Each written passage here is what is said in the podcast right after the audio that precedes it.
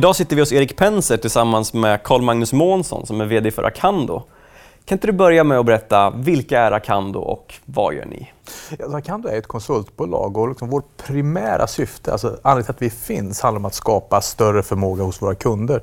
Vi jobbar ju ofta i transformations Eh, skeden med våra kunder. Och just nu kan man säga att den digitala förändringen i världen runt oss är det som driver väldigt mycket av det vi ser i allt vi gör.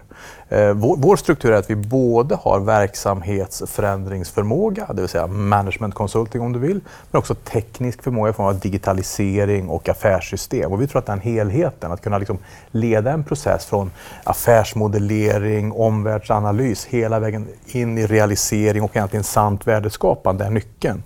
Och det jag tycker är särskilt är att vi jobbar alltid med, har kunden själv när vi lämnar uppdraget, när vi är klara tillsammans, vi skapat större förmåga hos kunden att själva driva sin egen utveckling framåt. För det här tar ju liksom aldrig slut, utan det är en process som, som pågår hela tiden. Så att det som verkligen särskilt är förmågan att kunden själv sen kan liksom styra sitt öde och driva sin process när vårt projekt, när vårt gemensamma projekt är avslutat. Det är förstås svårt att differentiera sig som konsultbolag. Eh, är det inte svårt, att, eller inte lätt att man tappar sin udd om man försöker vara bra, lite bra på allt eller göra allt? Ja, jag, tror, jag tror du måste i den här komplexa världen vi är i faktiskt ha spets inom ett antal områden för att vara relevant i liksom en komplex materia som det ändå är. Vi har i alla fall valt en strategi som bygger på att vi ska ha tre tydliga spetsar.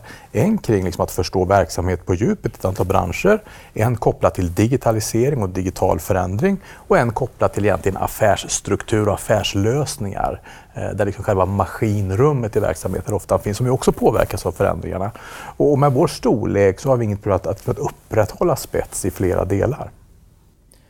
Vilka ser ni idag som era primära konkurrenter? Är det de stora globala husen, typ Accenture, Capgemini, eller vilka ser ni som era primära konkurrenter och hur skiljer ni er från dem? Mm. Nej, men det är klart, vi möter ju alla stora spelare på våra marknader där vi finns. Det finns ju en geografisk skillnad. Alltså Tyskland ser annorlunda ut än Sverige, Sverige ser annorlunda ut än Norge och så vidare.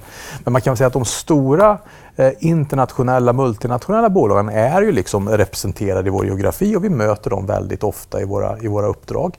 Eh, så, så det är klart att där har vi vår huvudsakliga konkurrens väldigt tydligt.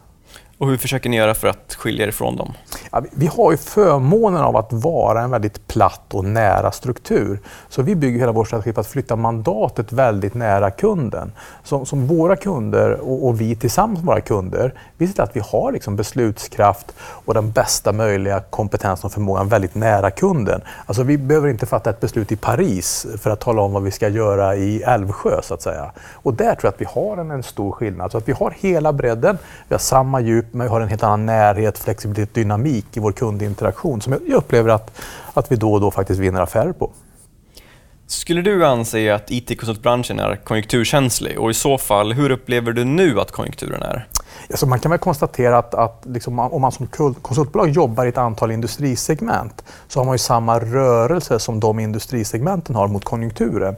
Om man mappar konsultbolag mot konjunktur så kommer man se att det finns en korrelation. Eh, men den ser olika ut eh, för olika industrier och olika branscher. Eh, så det finns en korrelation helt klart, framförallt på det som är diskretionärt, alltså projektdriven förändring. Samtidigt är det så att det liksom inte svagare tider behöver jobba med rationalisering, det är bättre kanske jobba mer med kundtillväxt eller liksom marknadsandelar eller vad det nu kan vara. Så den är inte lika stark som man kanske kan tro. Eh, Just nu kan man säga att marknaden varierar geografiskt eh, i Europa. Eh, vi upplever en hyfsat stark position och situation i Sverige. Eh, vi har ju valt en strategi som har varit liksom att bredda oss, att vi jobbar med fler industrier än tidigare. Och det har också gjort att vi blir lite mindre volatila i förhållande till, till liksom en generell konjunktur. Då. Men marknaden är generellt god i de flesta länder där vi finns. Vi finns ju i Norge också. Och det är klart att där har liksom oljepriset styr en del av offshore-ekonomin, eller styr offshore-ekonomin.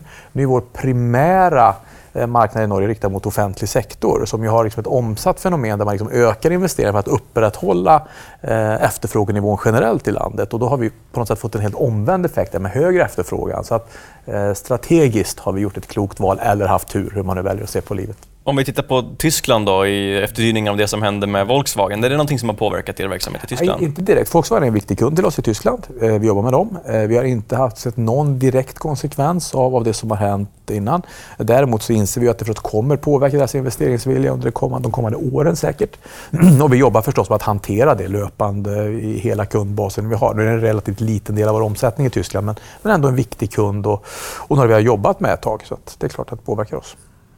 De sista åren har vi fått se ett starkt intåg av konsultmäklare på marknaden. Jag tänker E-work, jag tänker Zero Chaos och så vidare. Och de har varit extremt aggressiva i sin, sin prispress, vilket alla konsultbolag har känt av. Plus att det har öppnat upp för en helt ny marknad med enmanskonsulter som inte riktigt fanns på samma sätt tidigare. Hur har det här påverkat Akandos strategi?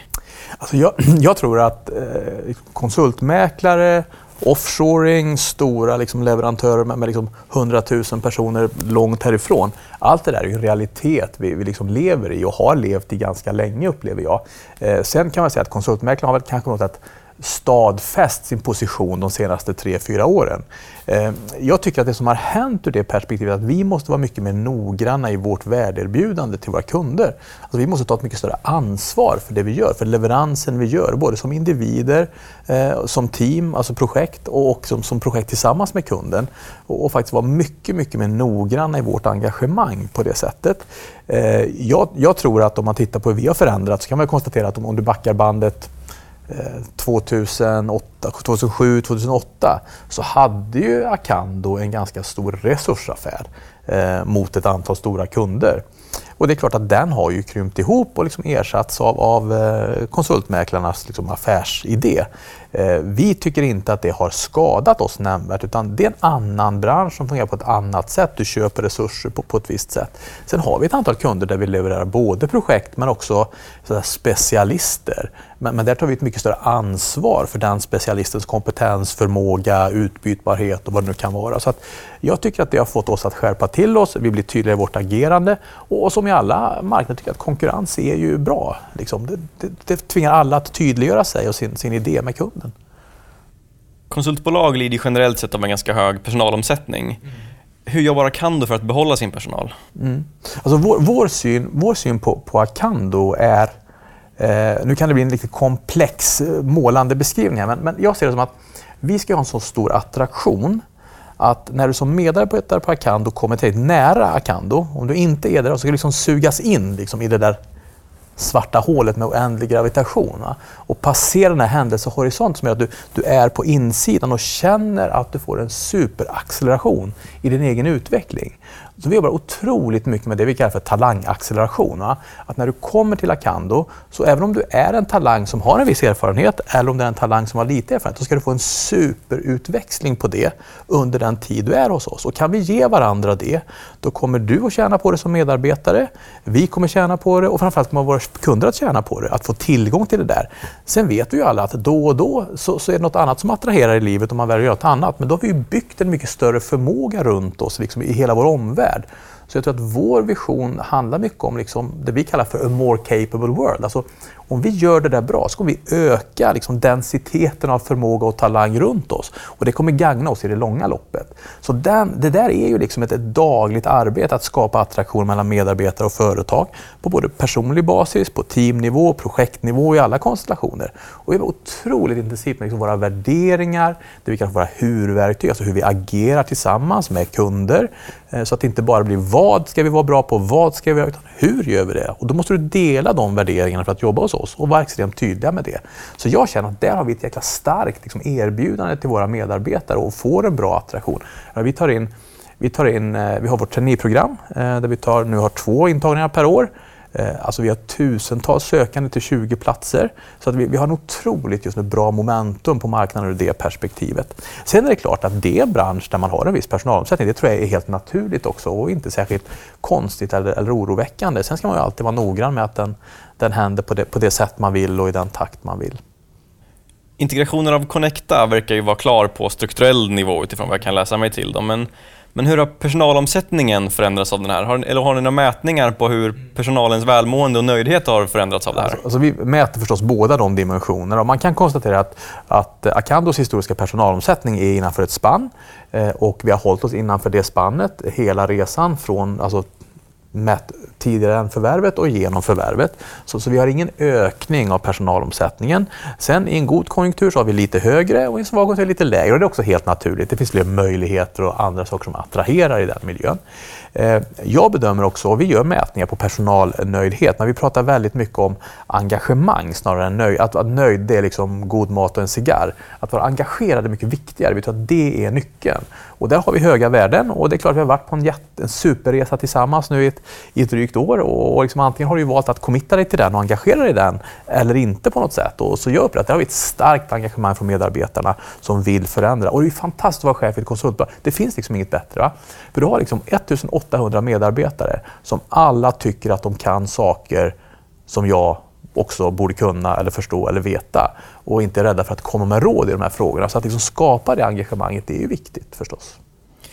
Om vi tittar lite mer på det här samgåendet med Connecta, då. hur, hur, hur löd rationalen bakom det? Var det att man behövde bli större för att kunna differentiera sig eller vad var anledningen? Det, det fanns egentligen två liksom starka skäl. Det ena var egentligen att bli mer relevant för större kunder och större projekt och åtaganden. Att liksom genom bara storleken i Sverige kunna, kunna få den positionen. Och det tycker jag vi redan nu ser att vi har uppnått när vi, när vi tittar på vår snittstorlek av projekt och hur vi agerar på marknaden. Det är liksom en, en fråga. Och kopplat till den låg också känslan att få en ännu starkare hubb eller förmåga liksom, att sedan återanvända i andra geografier. Så det, det tycker jag vi kan ticka av och har lyckats med. Det andra som vi pratade mycket om det var det komplementära i kundbasen. Eh, gamla Acando så att säga, var, var ju starkt på tillverkande industri, alltså traditionell svensk storföretagsdrivet eh, verksamhet.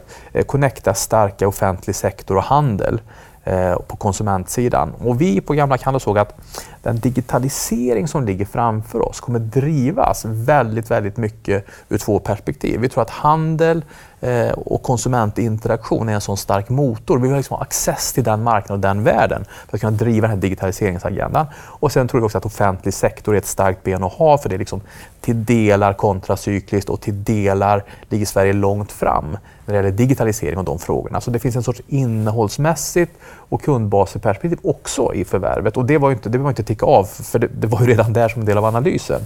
Det är otroligt intressant att om man tittar på och Connectas största kunder före eh, samgåendet så är det bara två kunder som var gemensamma i Sverige av de 20 största.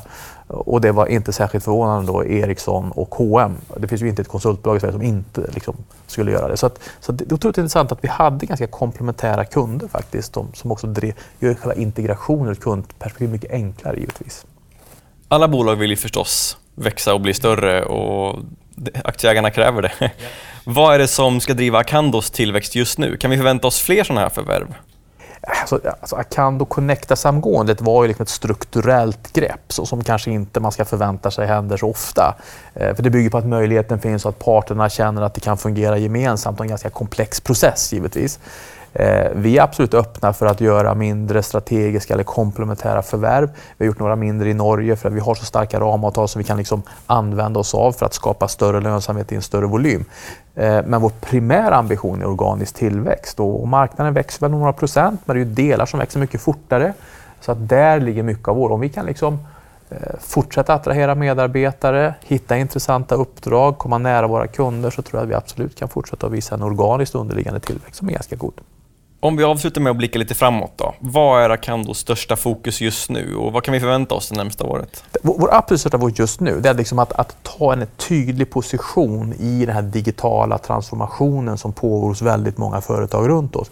Vi jobbar gärna med det i många dimensioner. Allt från att sätta digitala strategier eh, till att liksom realisera lösningar. Och vi släpper faktiskt idag, här ikväll, det vi kallar för Accounto Digital Insight som vi gör varannat år där vi baserat på 200 stora företag i Sverige eh, ger en sorts insikt kring vad, vad händer egentligen i den digitala världen och vad är de stora utmaningarna. Eh, och vi, om, man, om man tittar på oss så kan jag garantera att man kommer se en mycket tydligare digital transformationsprofil framåt än vad man kanske har upplevt tidigare. Så det kan jag lova. Med det vill jag tacka dig för att du ville komma hit och framförallt lycka till framöver. Stort tack! Tack!